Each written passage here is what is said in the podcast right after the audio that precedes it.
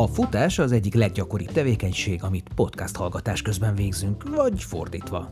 Mielőtt meghallgatnád ezt a részt, vagy épp közben, állj meg egy percre, hidratálj, akár egy powerade aztán folytasd. Hiszen nagyon fontos, hogy pótold a sókat, amiket kiizzadtál. Főleg, ha még sírsz is örömödben az edzés vagy a verseny okozta katarzistól.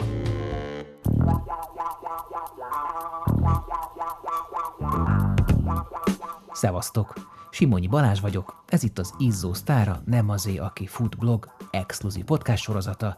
Ezúttal a vendégem Pecsenye, azaz Lajkó Csaba volt. Ez az előzetes, a műsor pedig teljes terjedelmében, podcast vagy éppen videó formában a Patreonon érhető el. www.patreon.com per nem azé.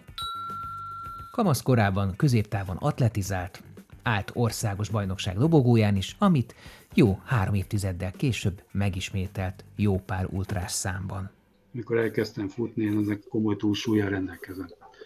rendelkeztem, és ez mindig úgy, úgy az van bennem, hogyha ráállok, ha csak egy hétre, akkor az agyam elkezd kattogni, és ezt mind a mai napig nem tudom kiiktatni, úristen el fogok megint hízni. Egyszer belenézett a tükörbe, látta mázsányi vágósúlyát, cigarettázó életmódját, és úgy döntött, radikális változás kell. Norbi kazettákra dobott le legalább 30 kilót. Pufók Mislenbabából, szálkás, szikár, inas futó fejlődött.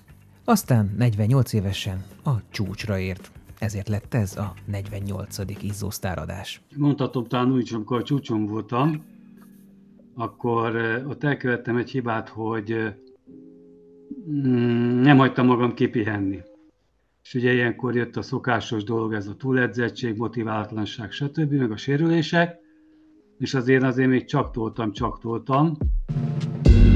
Kétszer választották az év ultrafutójának, vezette a 48 órás futás világranglistáját, teljesített 8 ultrabalatont, 5 24 órás versenyt, 5 spartatlont, 4 6 naposat, 3 12 órást és 3 48 órás versenyt. Mindig az volt a pihenés minden évben, amikor lesérültem. Tehát volt ilyen részleges vádlízomszakadás, szombfeszítő, meghúzód, behúzódás, meg. tehát mindig volt valami sérülés, ami egy jó pár hetes dolgot kiadott, és ak- akkor pihentem ki magam gyakorlatilag. De azt még nem tudtam elképzelni, hogy mit tudom én, hogy akár egy évet kihagyjak. Tehát azt, hogy most egy évet leálljak a futásén, azt, azt nem tudtam elképzelni. Jó tíz évvel ezelőtt mindenki ismerte a nevét ebben a szcénában, ma alig. Tehát szerintem most, most még nagyon, nagyon népszerű lett az ultrafutás is úgymond, mert hogy mindenki azt tudja magáról csak elképzelni. Tehát nem elég egy maraton neki, vagy egy hatórás, hanem már rögtön bele akar csapni a lecsóba, mindenki ultravalatont akar futni, Spartatonra akar menni,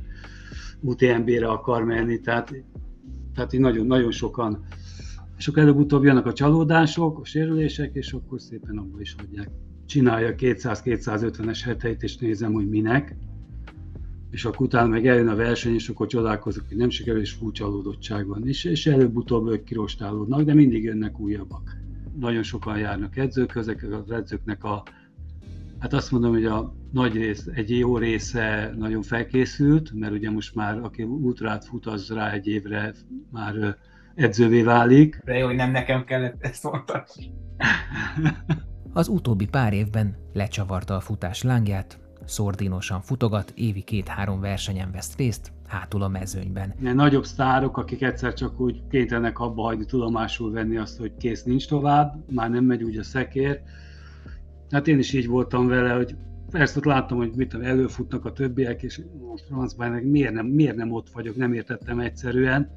És amikor ezt így fel tudtam magamat dolgozni, ne azzal foglalkozzak, hogy ki mit lát, ki hogy fut előttem, meg ki mit csinál, és akkor már nem zavart. Tehát most már, most már úgy, vagyok, úgy, úgy megyek egy versenyre, hogy, nem azt mondom, hogy ütöm egy útra Balaton tizét, mind a, tehát végigélvezem, de, de nem érdekel az, hogy ki hogy megy, meg merre jár, meg csak az, hogy én érezzem jól magam.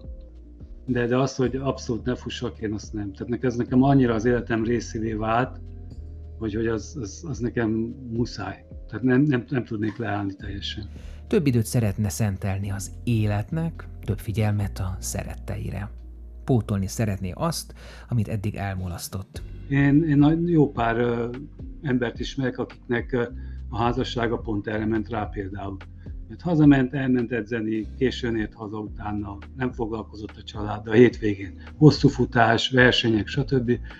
És egyszerűen nézét tönkrement az élete meg a házassága.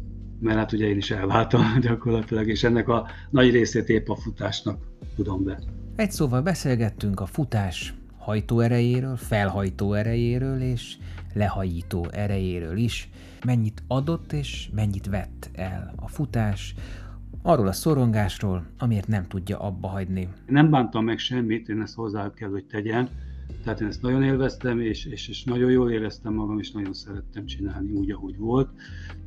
Hát az, hogy most ez következett be, ez mindenkivel előfordul előbb-utóbb, tehát egy hosszú időszak után bármeddig lehetsz a pályán, akkor is eljön az az időszak, amikor tudomásul kell venned, hogy nem fogsz már ott lenni a tobba, de fussál és essen jól.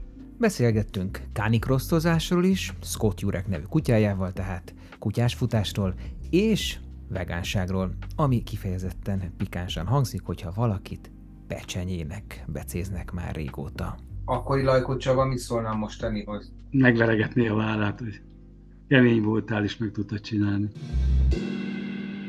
Hát ennyi volt az előzetes, a teljes beszélgetés a Patreonon érhető el. www.patreon.com per nem azért. Érdekel ez az adás? Akkor szállj be a finanszírozásba, legyél támogatója a 11 éve fennálló Nem azé, aki fut blog és podcast működésének, és férj hozzá további extra tartalmakhoz is írott, vizuális vagy éppen hangi formában, amik a futás vonzás körzetében levő izgalmas és értékes alakokról, témákról készülnek. És mivel gyakorlatilag ez az egyetlen futós podcast Magyarországon, ha tetszenek a műsorok, akkor iratkozz fel a csatornára a Facebookon, a Podpeden vagy éppen a Spotify-on. Az adáshoz természetesen, mint mindig, bőséges kép és videó galériát találtok a nemazé.blog.hu-n.